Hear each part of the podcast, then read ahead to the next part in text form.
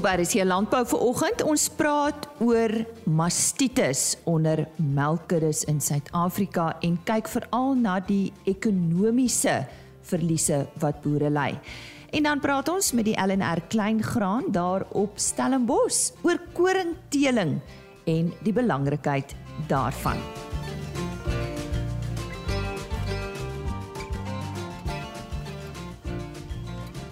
My naam is Lise Roberts en jy's baie welkom by vanoggend se program.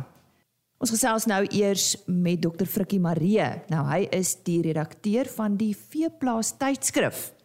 Dankie Lise. Die Januarie uitgawe van Veeplaas het vir die nuwe jaar ook 'n nuwe baadjie aangetrek en lesers kan gerus uitkyk vir die nuwe voorbladontwerp van die tydskrif waaroor ons nogal baie opgewonde is. Januarie tydskrif se inhoud fokus op uitskotbeginsels en die hoofartikel handel dan ook oor uitskotbeginsels wat kuddes en wins bevorder. In die veeselbedryf is 'n artikel oor Jackson Angoras en sy bokhaar wat gewig dra. Die suiwelbedryf fokus op ons op die langslewendheid van melkkoeie ondervoer en weidingsartikels oor hoër marges per hektaar met kragvoer en dan droogtebeplanning in jou weidingsstrategie. Ons almal weet tot dusver het ons 'n baie goeie somer gehad, maar droogtes gaan ook weer kop uitsteek in die toekoms. Onder genetika en veehantering is daar artikel oor teelramme en hoe jy hierdie konings in jou kudde moet oppas. Oor dieregesondheid, fokus op vliegbeheer en hoe jy vlees of vlerke letterlik op die plaas kan knip en dan ook slengdalkoors wat nie 'n gevaar vir diere is nie, maar ook vir mense. Onder plaasbestuur artikels oor die brandstofprys en hoe dit produsente raak as ook die regte van plaasbewoners wanneer hulle elektrisiteit op die plaas wil aanbring en dan faktore wat bydra tot 'n suksesvolle dissiplinêre verhoor. So weer eens 'n tydskrif propvol goeie inligting reg vir hierdie tyd van die jaar. En so sê die redakteur van die Veeplaas tydskrif Dr. Frikkie Marie.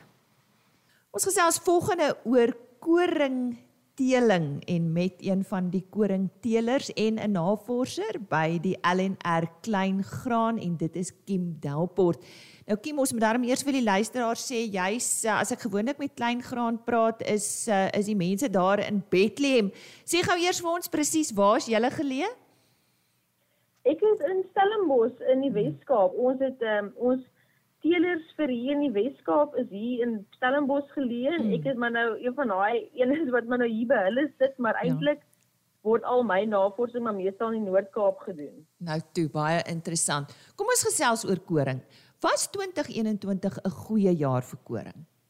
So ja, Lise, ten spyte van ehm um, COVID en al sy variante, was 2021 eintlik 'n besondere jaar geweest vir al vir gars en koringproduksie, veral in die Wes-Kaap met ehm um, rekordoeste wat alreeds in Julie van 21 van 2021 voorspel was en gelukkig vir ons het die weer toe nou saamgespeel. Ehm um, dit was die goeie produksieomstandighede toe nou gelei tot die grootste garsoes op rekord en terwyl en koring het die grootste oes gehad in die laaste 12 jaar, maar eintlik was wat koring betref, was die laaste twee seisoene uitstekende oeste geweest. Hoekom is koringteeling belangrik? Want dis eintlik waaroor ons vandag gesels. Al die laaste paar jaar was 'n ongelukkige geweldige toename geweest in die hoeveelheid koring wat ons moet invoer, met amper 50% van ons totale koringverbruik wat nou ingevoer word En dit is maar grondliks toegeskryf aan die feit dat boere net minder koring aanplant en hul produksie nou verskuif het na meer winsgewende gewasse. Ehm um, die hoeveelheid koring wat ook jaarliks aangeplant het, neem geleidelik af en so vanaf 1990 het die koringaanplanting met 65% al afgeneem. En dit is nou ehm um, geweldig kommerwekkend aangesien dit al hoe moeiliker raak om genoeg voedsel te produseer vir Suid-Afrika se populasie. So om Suid-Afrika se afhanklikheid nou aan invoerkoring te verminder, moet die plaaslike produksie verhoog word. Die besproeiingsproduksie area, area is die ideale gebied om koringproduksie aansienlik te kan verhoog, veral omdat die geweldige afname in die koring wat in die Vrystaat geproduseer word. Heiliglik word aantrent so omtrent 25% van Suid-Afrika se koring onder besproeiing geproduseer. Nou behalwe vir die toename in die hoeveelheid oppervlakte wat ons kan aanplant aan koring, kan koring op twee maniere verhoog word. En dit is deur middel van die verbetering in produksiepraktyke of dan nou nuwe koringkultivars met hoër opbrengste. Nou hier by die LNR Kleingraan fokus ons dus daarop om kultivars te ontwikkel met hoë opbrengste as ook goeie agronomiese eienskappe en bakkwaliteit. Nou die telingproses, vertel ons bietjie daarvan. Hoe hoe word 'n nuwe kultivar ontwikkel? So by die klein by Kleingraan Instituut se besproeiingsdeelprogram strek oor 4 um, provinsies. Die eerste stap van die telingproses begin in Bethlehem in die Vrystaat. Daar word ons koring koringkruisings gemaak vir beide droëland en die besproeiingsareas. Kruisingsouers bestaan uit 'n manlike en 'n vroulike koringlyn met verskeie belangrike eienskappe. Nou hierdie eienskappe sluit goed in soos siekte siekteweerstand, bakkwaliteit, verhoogde opbrengs ensovoorts. Nou die keelprogram verkry ook voortdurend nuwe genetiese bronne van 'n oorsese en plaaslike teelprogramme.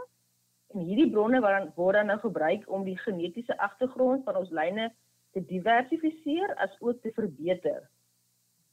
Nou die nageslag van hierdie kruisings word dan in 'n glashuis geplant om die saad te vermeerder vir die volgende jaar sodat ons die materiaal in die veld kan plant. Nou al die vroeë generasies van die besproeiingsteelprogram word op Valarts proefplaas in die Noord-Kaap geplant. En vir die volgende 5 jaar word die nageslagte dan nou as 1 meter rytjies geplant en van daar word daar streng geselekteer vir opbrengs. Goeie agronomiese eienskappe en bakkwaliteit is ook van belang, maar vir die volgende vir, vir die afgelope paar jaar het ons meer klem op goeie opbrengs geplaas. Nou die hoeveelheid nageslag wat geëvalueer word, kan enige iets van 10000 tot selfs meer rye wees. Ons begin dus aanvanklik nou net met 'n paar kruisingsouers en vermeerder die nageslag tot duisende om 'n wenkultivar te ontwikkel. Nou so na 4 jaar wat ons hierdie seleksies dan nou as enkel rytjies plant, word belowende lyne na plotproewe bevorder. Hierdie lyne word ehm um, hoef moet nou aan aan kwaliteitsstandaarde voldoen aangesien lyne nie deur die industrie sal aanvaar word as die bakkwaliteit nie aanvaarbaar is nie. Die data wat ons ook nou gekry het, hierdie proewe is geskik om volledige statistiese analises op uit te voer en die data wat ons verkry van die analises is uiters belangrik om korrekte seleksies te maak. Die plotproewe word vir die eerste 2 jaar ook op Valarts geplan en ons noem hulle junior en senior proewe. Daarna word die lyne bevorder na eliteproewe wat ons dan in verskeie lokaliteite binne in die besproeiingsarea plant. Elke jaar word ons dan nou minder en minder lyne geselekteer en bevorder en hulle moet beter presteer as huidige kultivars om na die volgende jaar te kan aanbeweeg. Elite lyne word ook ook nou op hierdie stadium na die Suid-Afrikaanse Graan Laboratorium gestuur waar hulle volledige kwaliteitsanalises doen. Daar moet die lyne deur die bakkers en die meelenaars goedgekeur of afgewys word na aanleiding van die kwaliteitdata. Gedurende hierdie tyd word daar ook suiwer saad van die nuwe kultivars vermeerder en daar word ook aansoek gedoen vir planteteelers regte. Hierdie hele proses kan omtrent so 10 tot 15 jaar duur. Maar ehm um, ek moet egter noem dat kleingraan bemark en verkoop egter nie ons eie kultivars nie. Dis om ons kultivars soos Duzi, Kariga kuddes of renoster aan te koop, moet produsente gerus vir Lima Grain kontak.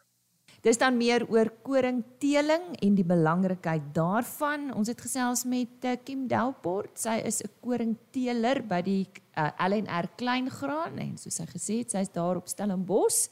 En uh Kim, ek sien ons gesels in Maart maand weer met jou oor uh yes. lentebesproeiingskoring en resultate daarvan. Is ek reg?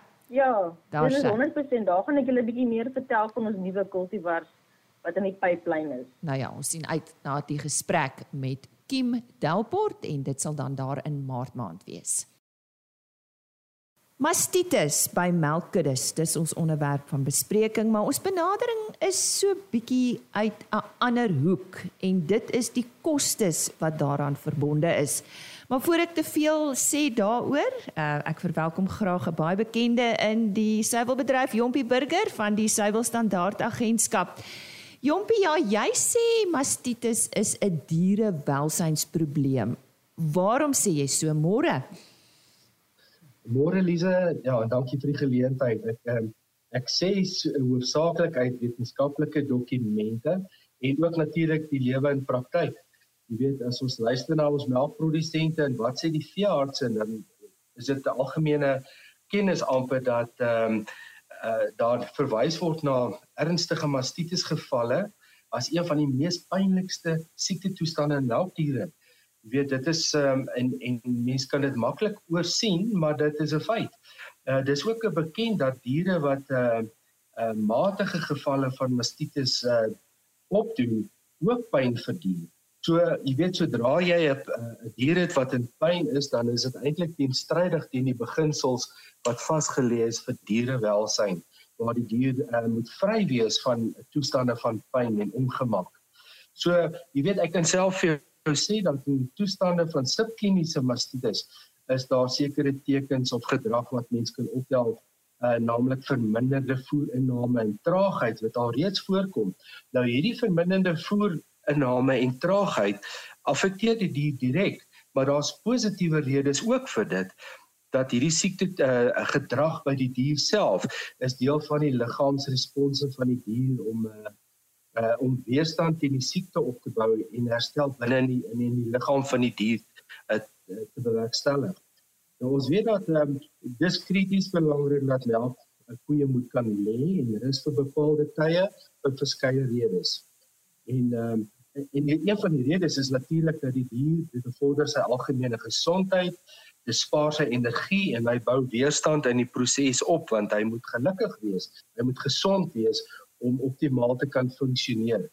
Nou wat jy hier sien is dat diere met mastitis is geneig om baie minder te lê met 'n baie groot negatiewe impak op die dier se welsyn en produksie. Dit is nou dit maak net sin. So dit is baie belangrik om kennis te neem dat jy weet die rusperiodes ehm um, vir diere wat gesond is, tipies hier tussen 12 en 13 ure is wat hulle nodig het om uh, dan natuurlik uh, optimaal te kan funksioneer en gesond te wees. Mm. En dan diere wat dan nou ly wat nie kan lê nie. Nou as hulle wel gaan lê, kan jy nou dink hoe swaar lê 'n dier met 'n uh, aansteeklike mastitis as 'n voorbeeld. Mm. Want onthou daai posisie wat sy haarself in bevind, moet nou sy nou so lê dat sy die ongemak kan verduur tot 'n mate. So weer eens dit plaas nog verdere stres op die dier en sy ervaar enorme uh, impak van van 'n negatiewe impak en wat is dit anders as 'n 'n slegte impak op dierewelsyn. So ek ek glo ek antwoord daai vraag vir jou. Dis krities belangrik om uh, mastitis te sien vir wat dit is en die impak wat dit het op die dier self in terme van die dier se welsyn. Jombie kan die werklike ekonomiese gevolge daarvan vir die melkboer bepaal word weet Lisa ek ek ek ek dink is nie so maklik nie maar ek ek gaan probeer. Jy weet as ons kyk wat doen mastitis jy weet in terme van ekonomiese faktore en verliese? Jy moet nou weet uh, dat 'n dier wat mastitis on, uh, onderlede het uh, het 'n geweldige verlies aan ehm uh, um, aan die aan die welstand van die dier en dit lei weer na volgende goed. Die volgende aspek is die verminderde melkopbrengs wat jy gaan sien en selfs die kwaliteit van die melk gaan afneem. So daai faktore saam is al krities belangrik want die melkkoper stel nie eintlik belang in melk met hoë somatiese seltellings nie. So vir dieselfde rede hoë bakterieë tellings en daar's normaalweg 'n korrelasie tussen hierdie tipe van tellings. Dit sê vir jou dat daai melk is van 'n swakker kwaliteit en, en natuurlik wat dit doen is dit affekteer die die rak lewe van die finale produk en jou opbrengs wat jy kry teen tydens prosesering ehm uh, het toon ook 'n groot afname. Nou by dit kan jy nou voeg, kan jy nou dink 'n produsent wat kos dit hom vir die behandeling van die dier as ons praat van die veearts en ook die medisyne kostes. Jy weet wat nog bykom is die element van permanente eierskade. 'n Dier wat regtig mastitis opdoen, daar's gewoonlik nie 100% herstel nie. En daai met ander woorde, jy gaan met 'n die dier sit wat nie meer daai selfde produksie kan lewer as wat hy voor sy siekte toestand gelewer het nie. Wat lei daarop? Die uitskot van die dier, dit volg normaalweg. So jy het nou al klaar een dier se produksie minder en nou moet jy 'n vervanging vir daai uitskot dier kry en gewoonlik is dit 'n vers wat jy dan moet grootmaak. Die koste van die voer van daai vers En selfs al is dit 'n ander koei wat jy dan nou gaan aankoop, jy weet moet sy in die kudde inkom. Daar's 'n isolasieperiode, daar is baie aspekte wat na gekyk moet word voordat daai koei haarself vestig in die kudde en en daar's 'n tydsverloop. So dis verlies op verlies op verlies. En as jy daai faktore en die veranderlikes bymekaar begin sit, dan kan jy nogals by 'n som uitkom. Ehm um, gewis. So ek ek dink ons ons kan bietjie praat ook oor die die verlies aan kilogramme en dit mm. probeer omskakel. Mm. Ja. Mm. Jompie, kom ons gesels dan verder oor daai verliese waarna jy verwys het. Ja. Ja. Ek ek ek is seker jy weet ons ehm um, het al goeie syfers tot 'n mate wat vir jou sê en dit kom uit wetenskaplike dokumente ook uit. Ek het nou onlangs gekyk na 'n dokument wat dokter van Duyk geskryf het terug terug. Jy weet en uh, uh dit kom ook uh, deels um, uit internasionale dokumente. Daai verlies aan melkprodukte weens mastitis kan beraam word. Ja, dit kan gedoen word. En waar ons sê, jy weet, 'n mastitis word op gemiddeld bereken 0.5 tot 4.5% van die melk wat die koei per laktasie produseer. Met ander woorde, 'n koei wat wat 8000 kg melk produseer, kan met een geval van kliniese mastitis, net een geval, tydens laktasie tussen 40 en 360 kg van van haar in melk kan sy minder produseer. So dit 'n 360 kg is 'n is 'n groot klomp melk. Mm. Ek weet die soortelike gewig van melk verskil nou ehm um, uh, ten opsigte van uh, en ons weet wat die soortelike gewig is. Maar kom ons praat nou maar van van 'n liter, nê? 360 liter as jy dit gaan vinnig bymekaar tel en uh, jy kyk teen die gemiddelde melkprys van vandag is dis noemenswaardig. Dit kan maklik tussen uh enigiets van tot op R2000 per geval beloop per dier. Nou daai melkverliese weens 'n verhoogde somatiese seltelling uh wat gewoonlik die gevolg is van ehm uh, as ons praat van mastitis, kan jy 'n model bereken. Dit dit is wel so. Nou kom ons gaan 'n bietjie verder. As sogenaamde on, onbesmette seltellings van hoogstens 5000 50000 nê per milliliter. As dit daar rond beloop nie, dan sê die wetenskaplikes dat daar 'n afname van 0.5 kg melk 'n tweevoudige toename in somatiese seltelling is. So dis maar rondom 50000 wat ons normaalweg sal sê jette, maar dis 'n baie lae somatiese seltelling. Dis eintlik baie goed. Maar kom ons gebruik daai soos die Engelse sê as die baseline. Nou as jy begin met 'n toename in die somatiese seltellings wat ons natuurlik ons indikasie is van waar begin ons om te sê daar's positiewe uh um 'n neiging tot mastitis. Eh, praat ons kom ons sê 250 000 tot 400 000 selle per milliliter. Dan styg jou melkverlies tot met ongeveer 6%. Sjoe, ja. En en jy weet ons ons reken laat enigiets hier van 250 000 is nog steeds baie goed. Hmm. Ehm um, en 400 000 kan jy sê dit is hoog dit grens amper aan die wetlike limiet van 500 000 wat ek dink almal vir jou sal sê man dit is nou regtig as jy praat in te ekonomiese terme dis waar niemand wil wees nie hmm. 500 000 is te hoog maar wat van is kom ons sê ons praat van jy styg van 401 000 dan nou tot hier by 700 000 selle per milliliter dan styg jou verliese na 10% toe hmm. en van 700 000 101 000 tot 'n miljoen dan gaan hy op tot maklik 25%. Ja, dis baie. So, ja. hier, mm. dit is baie progressief in terme van verliese en ek dink die beginsel hier is wat ons moet najag is werklik waar proaktiewe voorkomende optrede om seker te mm, maak mm. mense land nie in hierdie tipe van situasies van 401 tot 700 000 nie. Dit is nie waar ons wil wees nie, enigsins nie. Kom ons gesels oor die kostes van behandeling. Dis nou nog iets. Dit is 'n pynlike jy weet, ehm um, maak geen fout nie. Medisyne en veeartskoste is duur en vir verseker ook vir redes, jy weet, 'n veearts moet baie ver ry om by plase uit te kom en medisyne is duur. So jou professionele dienste wat jy ontvang, uh is net een van daai kostes wat wat jy moet onder beheer kry. Ehm um, dink net bietjie verder aan nou het jy 'n koei wat mastitis het en jy moet haar met antibiotika behandel. Nou vir daai periode van onttrekking waar daai koei nou onder behandeling is, ons praat sommer van sy in die hospitaalspan. Kan jy dink wat is daai hoeveelheid melk per dag? Kom ons sê jy praat van 'n dier van 26 kg gemiddeld lewering wat ehm um, relatief is en jy moet nou daai hoeveelheid melk vir 'n bepaalde periode gaan wegdoen mee. En dis gewoonlik nie net een koe nie, dis 'n paar koeie.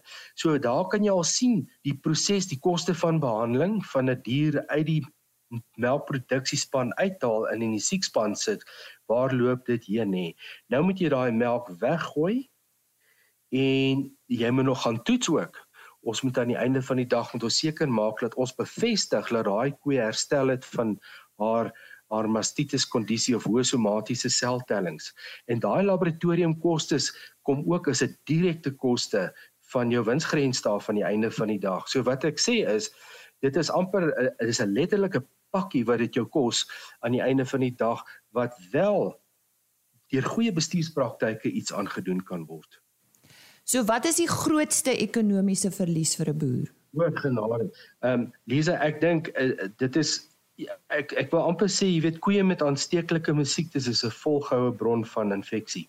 Hmm. Ehm um, as jy koeie het met mastitis op jou plaas, ehm um, moet jy begin uitskot want daai volgehoue uh, infeksie wat jy het gaan op die einde van die dag al jou ander diere affekteer. So ek wil amper sê daai voortydige maatreël wat jy moet instel om uh, 'n baie goeie produserende koei as 'n voorbeeld nie as gevolg van mastitis. As jy haar moet ehm um, uh, onttrek uit die kudde uit en sy's 'n uitskot dier is dit heel waarskynlik een van jou grootste verliese. Dink net aan die grootmaak van daai vers om haar te bring by die punt van 'n 'n mm. tweede, derde laktasie koei wat mm. wat 'n toppresterende dier is. So as sy as sy 'n 'n 'n aansteeklike mastitis opdoen, is daai 'n geweldige verlies.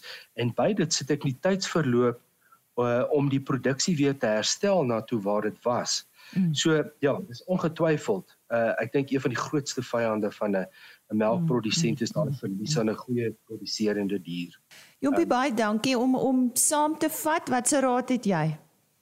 Lisa, ek dink die beginsel begin altyd. Die Engelse praat van back to basics. Ons moet teruggaan na die beginsels toe, die basiese beginsels van 'n uh, goeie landboubestuurspraktyke. En dit sluit uit aard dierewelsyn ons moet letterlik en ek ek tipeer niemand in die proses nie. Ons boere is absoluut professionele mense. Hulle is absoluut wetenskaplik en uh, um, ons is baie trots op ons melkprodusente. Maar daar's altyd ruimte vir verbetering. Jy weet ons um, ons kyk altyd na wat dit kos om melk te produseer en wat is die jy weet um, die aanvanklike koste die uh, kom ons sê die hekprys daarvan en ek vir jou sê daar is nie meer ruimte om nalatig te wees nie. Die proses is so wetenskaplik en moet absoluut wetenskaplik bestuur word.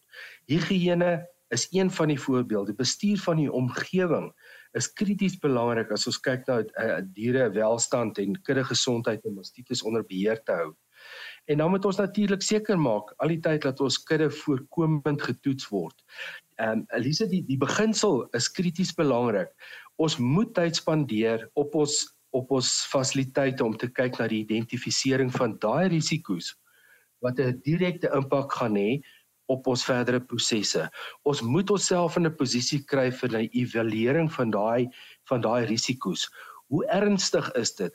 Ehm um, uh, wat is die die die lang langdurigheid daarvan? Wat kan ons dan die volgende stap mee doen is hoe gaan ons daai risiko's wat ons geïdentifiseer het en geëvalueer het, hoe gaan ons daai goed onder beheer kry?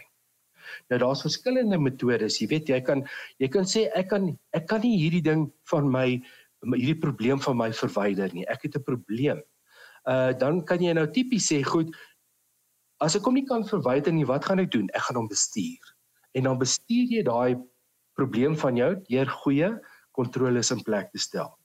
Die ander alternatief is wat ons moet doen is as jy weet jy het 'n wesenlike probleem en jy kan hom elimineer, kry daai probleem uit jou pad uit so gou as moontlik. Mm, mm. En ja, daar uh, ek dink dis absoluut 'n proses van prioritisering van mm. wat kos die minste, wat is die maklikste mm. en kry daai goed uitgesorteer sodat ons op die groot probleme wat ja. uh, heel waarskynlik 'n kapitale uitgawes na toe kan lei onder beheer kan kry. Jy kan maar luister na die groot geeste en da Dr. Petzer ook, jy weet wanneer ons oor hierdie goed praat is begin by die begin, wees voorkomend van aard moenie wag dat jy in 'n reaktiewe posisie gevang word en dan met geweldige verliese sit waar jy heel waarskynlik jou kudde moet versterk deur nog diere aan te koop nie terwyl jy beter na jou aanvanklike kudde kon gekyk het nie. Ietsie wat ek net kan bysê, ja, die bedryf in onder leiding van Melk SA het die DSA of SSA in Afrikaans baie tyd, baie geld spandeer om vir die bedryf 'n laboratorium te vestig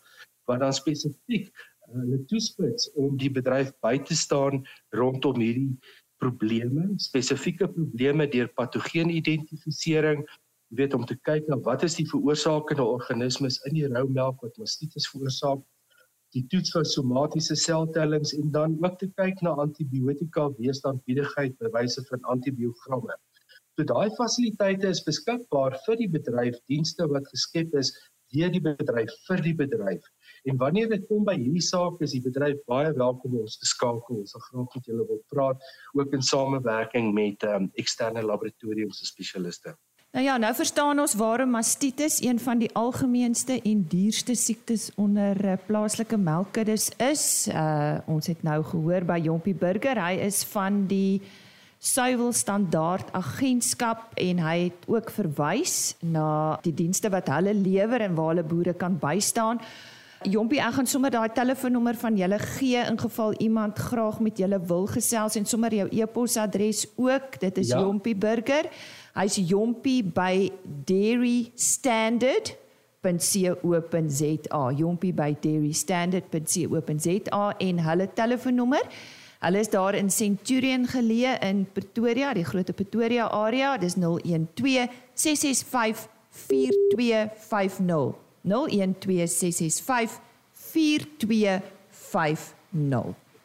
Nou ja, dis tyd om te groet. Onthou môreoggend weer by ons aan te sluit. Ek gesels onder andere met Rina Jellyman. Sy is 'n beesboer, 'n bovelder boer daarvan die Harry Smit omgewing oor haar unieke benadering tot haar boerdery. Dit is van die onderhoude môreoggend en ja, mag jou dag verder wonderlik wees. Onthou ons e-posadres rsglandbou@plaasmedia.co.za. Ons webtuiste vir 'n weer luister na een van die onderhoude is www.agriorbit.com. En dan sê ek ook RSG Landbou is 'n plaasmedia produksie met regisseur en aanbieder Lize Roberts en tegniese ondersteuning deur Jolande Rooi.